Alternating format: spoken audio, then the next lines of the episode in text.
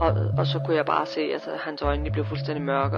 Og jeg bliver så udsat for et øh, voldsomt overfald. Jeg laver bare sådan en flugt med mine børn øh, rundt omkring. Altså det foregår faktisk i, i halvandet år. Han har øh, bedøvet mig med snævmedicin. Og også en gang, hvor jeg lagde armene ned langs siden og sagde pænt farvel til livet.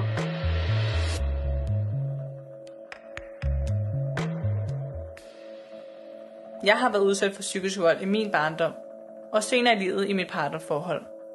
Men jeg vidste ikke, der var noget, der hed psykisk vold før min 20-års alder. Jeg er senere blevet bekendt med, at en stor del af den danske befolkning har været udsat for det. 2,5 procent af den danske befolkning mellem 16 og 64 år har været udsat for psykisk partnervold. Psykisk partnervold er den mest udbredte form for partnervold og rammer dobbelt så ofte som fysisk vold. En anden undersøgelse fra 2020 viser, at demens lige så skadeligt for børn at være vidne til psykisk vold i hjemmet, som at være udsat for det. Det kan altså have alvorlige konsekvenser for et barn og voksen.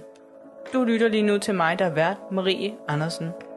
Jeg taler med folk fra rundt omkring i Danmark, som har eller er udsat for psykisk vold. Jeg har gjort det til min mission at belyse emnet psykisk vold, så det kan blive normaliseret, at vi kender til faresignalerne og undgår disse personer, der viser tydelige tegn på det.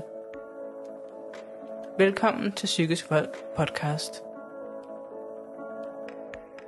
Hej alle sammen, og velkommen til. I dag er et lidt særligt program, fordi at øh, den her gang, der skal det ikke handle om en specifik historie. Det skal handle om podcasten og lidt om mig, hvorfor det er, jeg har valgt at lave den her podcast.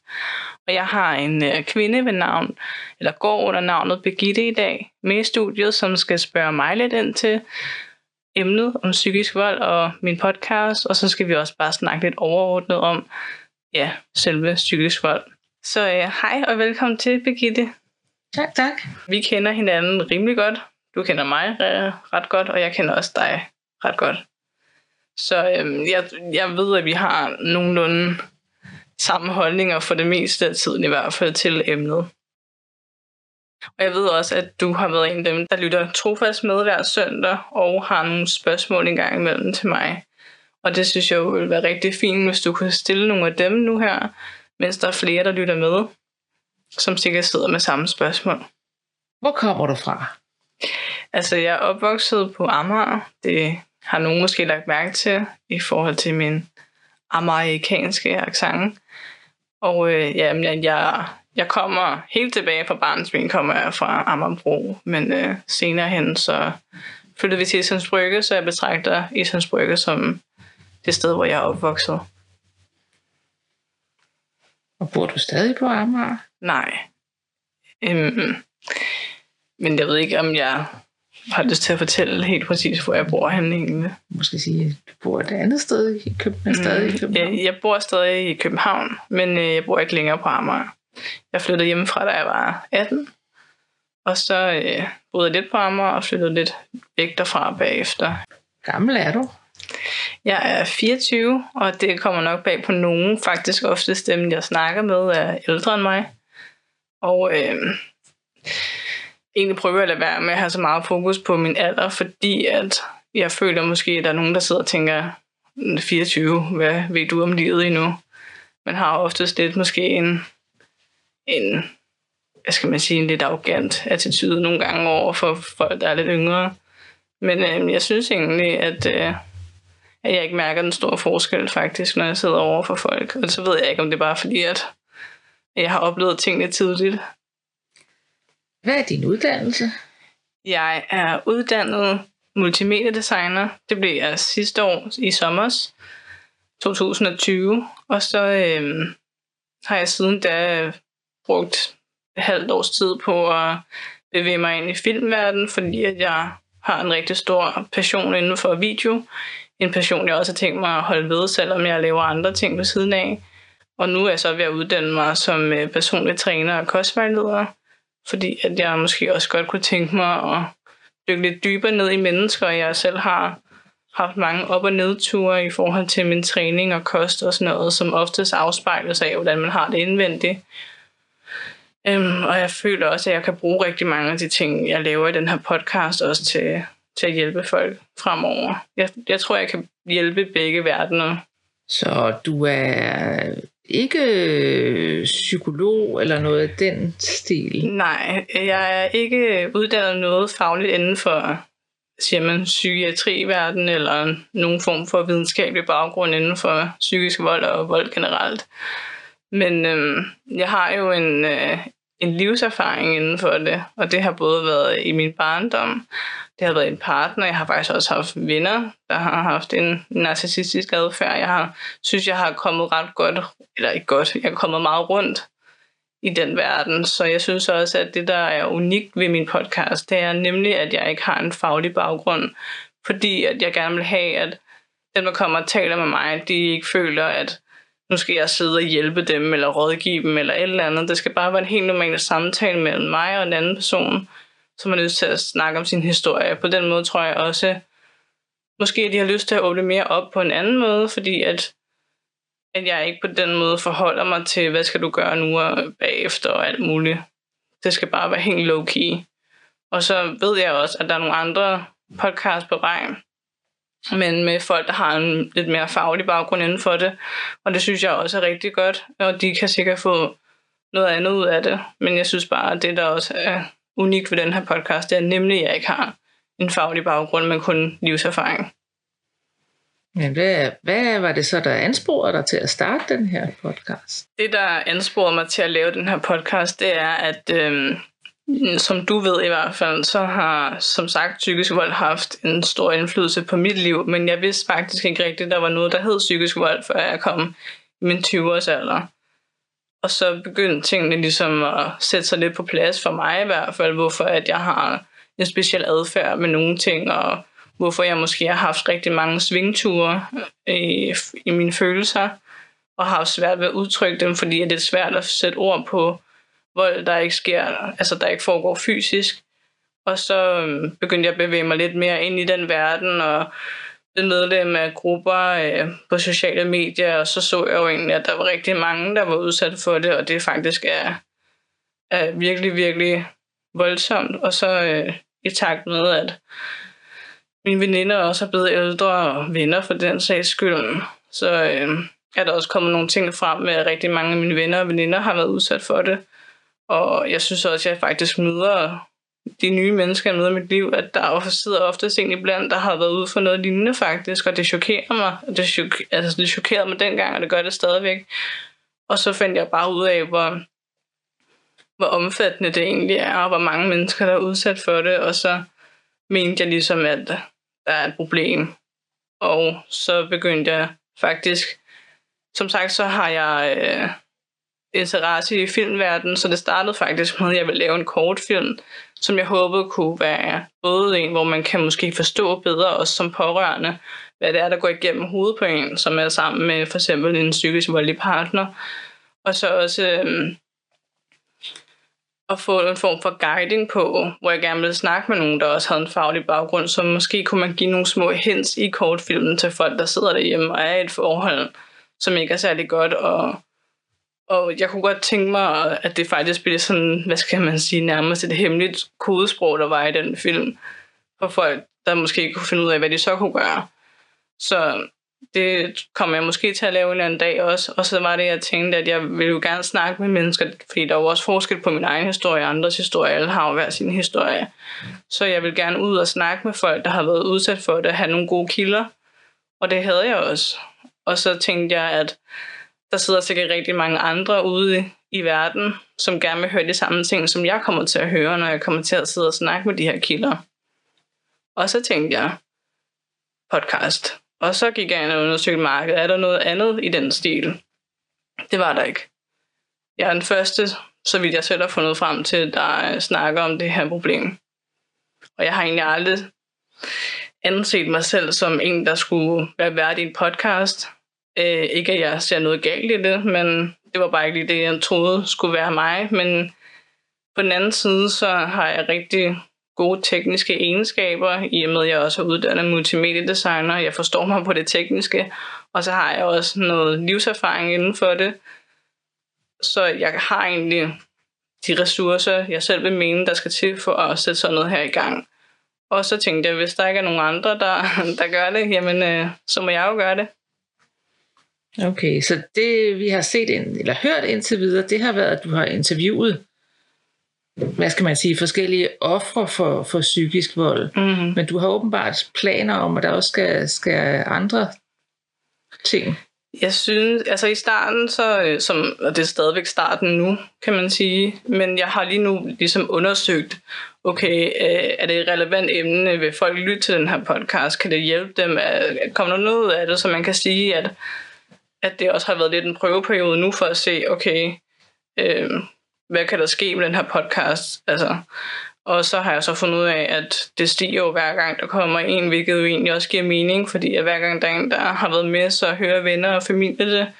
Og dem, der har været med, har fået rigtig meget ud af det, og været enormt taknemmelige for at være med, fordi det ligesom har været en del af deres udviklingsproces. Øhm, så nu er jeg begyndt at tænke i større baner igen. Jeg startede lige med, at nu har jeg før iværksat forskellige ting og sager, så jeg tror, at den her gang, der har jeg bevæget mig lidt mere forsigtigt frem. Men jeg mener også, at det, det er den rigtige måde at gøre det på. Så jeg mener selv, at podcasten har rigtig stort potentiale til mange forskellige ting. Og så skal vi sammen, dem der lytter med og mig, finde ud af, hvad kan vi bruge den til, fordi at ønsket ville jo måske være, at man kunne lave en form for organisation og samle nogle penge sammen, og alle de penge, der bliver brugt i podcasten, det går for det første til, at podcasten kan blive ført videre, men så det overskud, der vil være, det går måske til noget, som øh, kan gavne andre, og så kan man så diskutere om, hvad det skal være. Men ja, jeg kunne også helt klart finde på at lave en kort film, men øhm, lige nu, der, øh, der fokuserer jeg på podcasten. Nu har jeg også måske lige for en stund fået lidt nok af film lige nu, men øh, jeg ved, at det nok skal komme tilbage igen. Så hvad kan vi forvente i nærmeste fremtid? Det her år, der tror jeg ikke, at man skal forvente store. Man kan også sige, at vi er i en mærkelig tid, så øh, det er måske ikke lige det bedste tidspunkt at begynde at, og, hvad skal man sige, bruge pengene på alle mulige ting. Man skal nok forvente at se nogle andre form for gæster også i fremtiden, men udover det, så som sagt, så kan det godt være, at, øhm, at der kommer til at blive indgået et samarbejde, og så ved jeg også, at øh, jeg gerne vil have, det skal være flere forskellige steder i Danmark. Okay. Så det ikke kun er i København, Sjælland og sådan noget. Fordi jo, jeg kan godt tage til Jylland, og det har jeg sådan set også gjort, men øh, det ville være lidt nemmere, hvis man havde flere værter med i podcasten, og jeg har allerede en i sigte nu, som øh, muligvis kommer til at være vært omkring Aalborg og Aarhus, øh, og generelt i Jylland. Så øh, der kommer nok til at være flere værter med i fremtiden i hvert fald. Ja. Er, er du ikke bange for, at det bliver for trist i det lange løb for dig? Mm. Jo, altså, eller jeg er ikke bange for, at det bliver for trist for mig, men jeg er...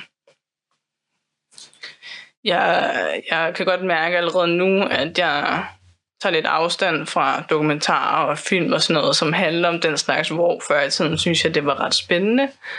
Men nu er jeg kommet til et punkt, at jeg bliver nødt til at adskille tingene en gang imellem, og det er simpelthen for, at mit liv ikke bliver for trist.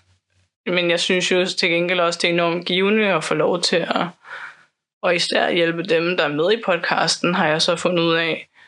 Der er endda nogen, der skriver, at deres familie er blevet knyttet bedre sammen, fordi der er kommet svar på nogle ting, som der ikke rigtig var svar på før.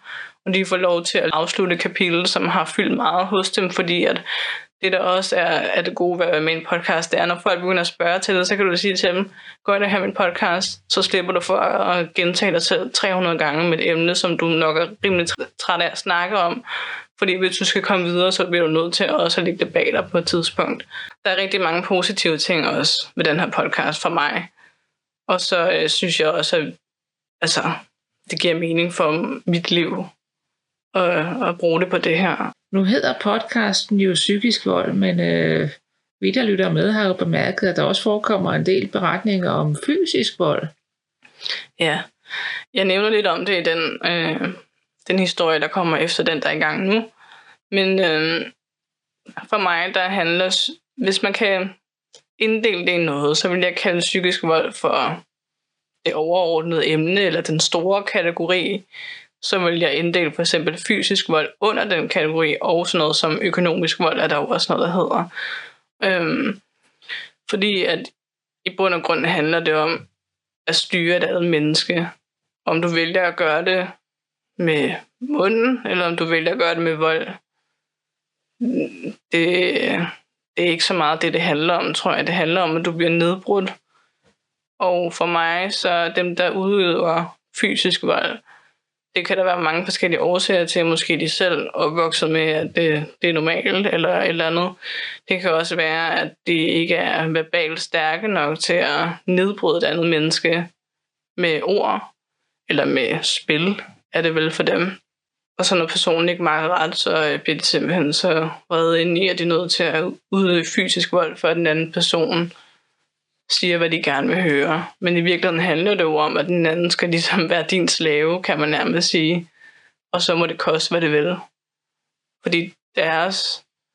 Øhm, det her nævner jeg også i den kommende historie, men der er jo den der serie med Dirty John, hvor han siger til hende, øh, kvinden, det er jo også en sand historie, hvor han siger, you are my project now. Hun er hans projekt nu. Og det er også sådan lidt, jeg tror, det foregår for mange af de narcissistiske psykopater, der er. At det, øh, det handler om, at det her offer, øh, det er deres projekt nu. Og så øh, vælger de forskellige metoder, men det hele handler om at, at nedbryde dig ind i hovedet. Og det er også oftest det, jeg har bemærket med folk, jeg snakker med generelt, og folk, der er med i min podcast, at selvom det har gjort ondt, det fysiske vold, så er det ikke det, de husker allermest. Det er ikke det, de kæmper med det, det psykiske tager, sådan noget som stalking og, øh, og hele tiden blive, det der gaslighting, hvor du hele tiden hjernevasker og får den anden til at tro, at de skøre. Det er det, de kæmper med bagefter.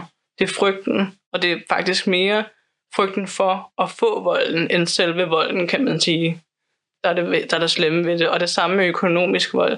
Det er jo også en form for kontrol over dig, den anden, hvis de har pengene, eller de ikke vil forlade huset, hvad det nu er, folk kommer ud for, og det ryger på tvang og sådan noget. For dem handler det jo bare om, at nu er du mindre værd. Ja, at, undrer det dig ikke, at der ikke har været nogen før dig, der har taget det her emne op på den her måde? Jo, nu har jeg ikke undersøgt præcis, hvornår man også har brugt begrebet psykisk vold, men jeg har en fornemmelse af, at det ikke har været der i specielt mange år. Og det er måske også derfor hvis emnet ikke har været der med psykisk vold, så er der jo også rigtig mange, der ikke har forstået, hvad det er, de har været udsat for. Fordi der er jo rigtig mange, der ikke tror, at man øh, kan være voldelig uden at bruge næverne. Altså. Så jo, jeg synes, det er mærkeligt, og, og så er der nogen, der mener, at, at det begynder at blive belyst. Det er det måske også mere, end det var før. Men i forhold til, hvor mange der egentlig er, så synes jeg ikke, at det er særlig belyst. Og jeg, men jeg håber, det bliver det i fremtiden. Det har jeg også en fornemmelse af, at det gør. Men øh, nu siger jeg jo også i, i traileren der, at, øh, at der er 2,5 procent af Danmarks befolkning mellem, jeg mener, det var, hvad var det, jeg sagde, 12 og 64 eller sådan noget, der har været ude for psykisk partner, hvor det kan godt være, at det var lidt højere end 12, noget i den stil. 16 og 64, tror jeg. Men, øh, men der ved jeg så også, at der er jo ikke mine venner og veninder er jo ikke blevet spurgt. Så hvor har de de tal fra? Der må mangle flere tal, tror jeg. Og jeg kan heller ikke få det til at faktisk, det kan godt være, at det er en stor del af Danmarks befolkning, men i forhold til, hvor mange jeg har mødt, der tror jeg, der er mange flere derude. Og så det er jo kun partner. Der er jo også, altså stort set alle, der også har været med, har været ude for øh, forældre, der har været ude psykisk vold. I forhold til, hvor mange der er udsat for det, så skal der meget mere fokus på det. Og jeg mener jo, at det skal være lige så normalt, at man opdrager sine børn til at kende til de her farsignaler, som også er noget, der siger i min trailer. Det skal være lige så normalt, at du ved, at du ikke rigtig tager med en narcissistisk psykopat med hjem, som du ved, at du ikke tager med en fremmed med hjem som barn. Og hvis vi kan det, jamen så kan det være, at vi går en lysere fremtid i møde. Fordi lige nu, så ser det ikke sådan ud i hvert fald. Nej. Så din målgruppe er unge mennesker, eller det er alle mennesker? Det er faktisk alle mennesker. Og, og jeg har jo også, man kan sige, selve podcasten, synes jeg ikke, man skal lytte til, medmindre man er minimum over 15, og jeg vil næsten sige 18 med nogle af episoderne. Men på den anden side, så synes jeg også, altså, der er jo mange, der beskriver deres barndom og måske har børn også brug for at høre, at der er andre, der har været udsat for det her, og høre, at det ikke er okay at blive behandlet på den måde. Fordi at det, der måske kan trigge, at barnet også bliver lige sådan, det er, hvis de ikke har en god side at se, eller se, at det, de er opvokset med er forkert, før det ligesom er indgroet i dem. Men man skal nok ikke lytte til min podcast, hvis man er under 15. Nej, jeg ved ikke, jeg ved ikke, hvad reglen er egentlig for podcast. Nej. Hvem der må høre. Jeg tror ikke... øh, Altså, jeg har, jeg, jeg hakker altid af med explicit content, i hvert fald. Nå, Men øh, i den der ude, der kommer ud her i søndags, der, øh, der kommer jeg også lige med en lille advarsel, inden at der kommer et, et grumt kapitel i den historie, kan man sige. uha. Så, øh, så man er advaret i hvert fald. Ja. Hvad, øh, hvad synes du om min podcast? Øh, jeg synes, den er meget relevant, og jeg synes, det er godt, du tager emnet op, men, men jeg har det sådan lidt, jeg skal sådan ruste mig lidt hver søndag, altså nu, okay, nu går jeg i gang. Fordi øh, det er, også, det er også lidt hårdt at høre de der historier. Mm. Ja, Ja, og der kan man også sige, at, øhm, at de der historier, jeg plejer at se på en film eller serie, eller hvad det nu er, det er skiftet lidt ud med noget god reality eller et eller andet, fordi det, jeg har brug for at se lige nu, det er en pause øh, fra det, jeg laver. Og det er også tungt. Øh, men desværre, så er det jo sådan, det er. ja det er Altså- nok også derfor, det, det virker hårdt, fordi man, altså, man kan jo høre om, om blodige mor og ting og sager som underholdning, fordi det er ikke noget, der rammer os almindelige mennesker. Men det der, det, det er jo noget, der, der rammer, og derfor så, Mm. så bliver det også hårdt. Så det, det gør det nok også for dine andre lyttere, kunne jeg forestille mig. Det tror jeg også, man behøver heller ikke nødvendigvis at lytte hver evig eneste søndag.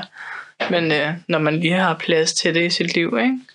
Men jeg tror, det er ret interessant for, for folk, der måske ikke er så bekendt med emnet endnu, og som selv har været udsat for det, som kan sidde og sige, det var måske ikke det, der skete for mig også. Måske forklare det, hvorfor jeg har en lidt mærkelig tilgang til lige det her.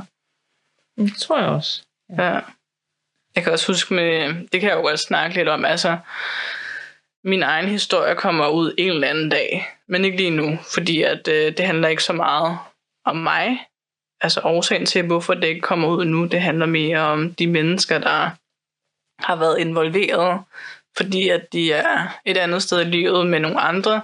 Deres pårørende, det er faktisk dem, der har ligesom udsat mig lidt for de her ting. Det er deres pårørende, som er årsagen til, at jeg ikke kommer ud med min historie nu, men, øh, men det kommer på et tidspunkt. Men øh, det, jeg vil sige med det, er, at, at jeg kunne jo selv mærke, dengang jeg blev kærester med min nuværende kæreste, vi har været sammen i tre og et halvt år nu, som er sådan langdistanceforhold, øh, hvilket nok egentlig har været ret sundt for mig, fordi at, at selvom jeg havde været single i et års tid, så var jeg stadigvæk rimelig involveret i mit tidligere forhold. Så jeg havde rigtig mange ting, som jeg skulle kæmpe med at få på plads selv. Og øh, jeg troede egentlig, jeg havde fundet mig selv, hvem jeg var. Men jeg skulle finde mig selv på ny. Og, øh, og det tror jeg, der er mange, der skal, fordi at man bliver lidt en skygge af sig selv, når man er udsat for forskellige ting. Og en anden person ligesom vinder magten over ens psyke. Og så skal man finde ud af, hvem man er igen. Og man er som regel ikke den samme, som man var før i hvert fald. Men øh, det var heller ikke kun det. Jeg begyndte pludselig, øh, i takt med, at jeg også begyndte at finde ud af, hvad psykisk vold var, så begyndte jeg at forstå nogle af de ting i min barndom, og sådan generelt mit mønster i livet. Og øh, der røg jeg faktisk ind i en depression. Men det tror jeg egentlig er noget, man oftest gør faktisk, når man skal til at bearbejde nogle ting, fordi du skal igennem den hårde periode først, fordi du skal se nogle ting i øjnene, som du måske har fortrængt, eller havde glemt, eller ikke forstod før, for at kunne komme over på den anden side, og komme over det, og komme videre. Og, øh, og der øh, havde det måske også været rart at have en, en podcast at lytte til, eller et eller andet, fordi at man kan godt føle sig meget ensom. Særligt fordi, at jeg var sådan en person, der aldrig spurgte en hjælp, eller rakte ud til folk og sagde, prøv at høre, jeg har det virkelig elendigt. Det kunne jeg aldrig finde på. Altså, det kunne jeg måske mere finde på i dag, fordi jeg har lært, at følelser egentlig ikke er noget. Altså, jeg synes egentlig, man er et stærkere menneske, når man sætter ord på sine følelser frem for at, at bare logge i. Hvor jeg før i tiden brugte det som en undskyldning, at man ligesom var svag, hvis man sad og delte ud af sine følelser, fordi jeg nok i virkeligheden ikke selv turde at komme ud med mine egne. Ja, det tror, det tror jeg, du har ret i. Mm. Jeg tror også, at rigtig mange, der har der slås med sådan nogle ting i barndommen, som kommer til at og også ryge en form for depression eller noget andet senere i livet, fordi at man, man skal pludselig, ja, man pludselig forstår nogle ting, man måske ikke gjorde før. Og så kan det være svært at forstå, hvorfor nogle mennesker har lyst til at være så onde. Og så øh, kommer man videre forhåbentlig på et eller andet tidspunkt, og så, øh, så ser man ikke så meget tilbage længere. Og så øh, handler det måske ikke længere så meget om at forstå, men bare acceptere det, og så øh, komme videre i sit liv. Men jeg har jo også haft altså, gode ting i min barndom, som jo nok er årsagen til, at jeg ikke selv er blevet helt ødelagt. Altså, jeg havde rigtig mange gode ting også at spejle mig i, så det skal heller ikke lyde som om, at alting bare var, var forfærdeligt, fordi det var det heller ikke. Jeg har haft mange gode mennesker i mit liv, øhm, som også stadig er en del af mit liv, og sådan mine tætteste venner er nogle, jeg har haft siden første klasse, som også bare er der, uanset hvad, man vokser med hinanden og sådan. Så øhm, det er sgu vigtigt, at man er der for hinanden. Det er rigtigt. Og det er vel også derfor, at du kan, du kan sidde her i dag og lave podcast om det, i stedet for at, at ligge hjemme under dynen, eller hvor mange nu ender. Ja, altså faktisk, da jeg sådan begyndte at starte det her op, der var jeg nok lidt i slutningen af min depression. Og det var nok også en måde for mig selv at komme videre på. Fordi det også giver mig noget at snakke med andre mennesker. Jeg husker, jeg var enormt altså, nervøs for, hvordan folk vil tage, når jeg nu lagde nogle opslag ud forskellige steder, om jeg søgte nogen til at være med i min podcast. Altså ville de bare synes, at det var mærkeligt, eller hvordan ville folk tage det. Men jeg fik jo kun positiv respons, jeg har fået virkelig mange henvendelser på folk, der gerne vil være med. Og ikke nok med at være med, så vil de gerne hjælpe med alle mulige ting. Og, man, og så finder man jo ud af, okay, der er faktisk ret mange også gode mennesker. Og ja, lige så meget som jeg måske er med til at udvikle nogle andre i deres processer, er de også med til at udvikle mig. Og det mærkelige er jo, at selvom alle vores historier er forskellige, så kan jeg genkende mange af de ting, der bliver nævnt altså med følelser og sådan nogle ting, og, og også nogle gange med, hvordan partneren har ageret. Der er alligevel nogen ens tegn. Der er faktisk mange, synes jeg. Øhm, og det er ret godt, hvis man kan få det formidlet lidt ud, måske. Ja, det tror jeg har manglet. Mm. Det er ret i. Men jeg har altid godt været bevidst om, i forhold, hvad der egentlig var rigtigt og forkert. Men det tror jeg egentlig, der er mange, der måske er men man måske har et dårligt syn på sig selv eller et eller andet. Øhm, der er nogen, der også siger, at de synes, at de fortjente det. At man ser bort fra alle de dårlige ting, fordi at man måske selv synes, man er lige så dårlig, og jeg ved ikke hvorfor, men... Nej, der er jo mange grunde, men altså, der er jo også ligesom en, en tale mod i dag med, at der skal to til tango, og begge skal arbejde på at få et forhold til at fungere og sådan nogle ting. Så jeg tror, mange strækker sig langt for at få et forhold til at fungere, og er ikke rigtig bevidst om, at de egentlig er den eneste, der prøver at få det til at fungere, mens den anden ligesom står og modarbejder på alle ledere kanter. Jeg tror også, det er meget de der sving, som i hvert fald partnerne ofte får, som udsætter den anden for de her ting. At ofte så er det jo en afhængighed altså jeg ser det ikke som kærlighed, jeg ser det som afhængighed, at, at så er det helt op i det røde felt, og så bagefter så er det bare en dans på røde roser, at det er dansen på de røde roser, der får folk til at blive. Fordi at, at de også jo også er meget charmerende og kan alle mulige ting, ikke? Og så, øh, men, det, men også, der er det også det her med Stockholm-syndromet jo. At det er noget, vores hjerne også gør automatisk for at overleve i den situation, vi er i. Det er faktisk ret vildt, at vores hjerne kan gøre de her ting, synes jeg det der med, at at din hjerne ved godt, at øh, personen er ond, men den frasorterer det i din hjerne med vilje, for at du kan være i det her sted. For din hjerne ved også godt, altså, det er også ham, der giver dig mad på bordet, og det er ham, der også gør de gode ting, eller hun også. Nu, øh, det kan jo være begge dele, men, øh, men det er ret vildt egentlig, og det forklarer mig også nogle ting. Og grunden til, at man også oftest bliver en skygge af sig selv, og man ikke rigtig kan huske egentlig, hvad der gik igennem ens hoved, jo, det er fordi, at man lever nu og her, og man overlever bare. Du har ikke tid til at tænke på, hvordan du selv har det, eller andre for den, sag, den sags skyld. Og der kan det jo også være svært at være pårørende, for der er ikke plads rigtigt til dem. Nej, det er rigtigt. Og det er egentlig faktisk også en af grundene til, at jeg har valgt at lave den her podcast. Det er, fordi jeg håber, der kommer noget forståelse fra pårørende. Fordi at jeg har selv været pårørende også. Og man bliver jo sådan lidt... Altså, man føler jo nærmest, at den anden vælger partneren frem for en selv. Fordi at der er hele tiden er regler og sådan noget, som de skal følge, som også går ud over dig, når du er sammen med personen. Øhm, og det er svært at beskrive præcis, hvad det er, der sker. Men der foregår bare så mange flere ting, både psykisk, men også sådan, altså bag hjemmets fire vægge, end folk måske lige er klar over. Der er jo også øh, mange, som ikke siger, hvad det er, der foregår derhjemme, og så er det bare sådan, hvorfor skrider du ikke bare? Måske fordi, at jeg bliver troet på livet, hver gang jeg tager det op derhjemme, ikke? Og der skal folk måske også blive lidt bedre nogle gange til at lige at tænke lidt mere måske. Men det er måske også svært, hvis man aldrig selv har været ude for noget lignende, fordi at det, der ligesom er for os normale mennesker, det er, at vores tanker som regel ikke strækker sig så langt, som øh, ondskab kan være. Fordi det er, ikke, det er ikke normalt for os. Medmindre man har oplevet det selv måske, så kan man godt forestille sig det. Mm. Så det er meget svært at være pårørende, men jeg håber da særligt også dem, der er med i podcasten, at deres pårørende måske får en anden forståelse, når de faktisk hører de ting, der er sket. For jeg tror, at alle, der har været med indtil videre, har delt nogle ting i podcasten, som de aldrig har delt med alle. Og det er nemmere at sidde og snakke med en fremmed, som mm. heller ikke dømmer dig, fordi det går jeg meget op i, at jeg heller ikke skal. Og det er ikke kun i podcasten, det er generelt, for det får jeg ikke en skid ud af.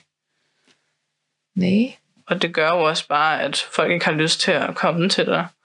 Så mit bedste råd i hvert fald til pårørende, det er bare, at et eller andet sted, man skal blande sig udenom. Altså man skal ikke sige bare gå eller et eller andet, du skal bare lytte. Og så skal du vente ja. på, at personen er klar til at gå. Mm. Og så kommer de måske til dig og spørger om hjælp på det tidspunkt, hvis du... Ja. Ja. Ja, sørg for, at personen ved, at man er Præcis. klar. ja. Ja. Tak fordi I lyttede med. I kan høre resten i episode 2.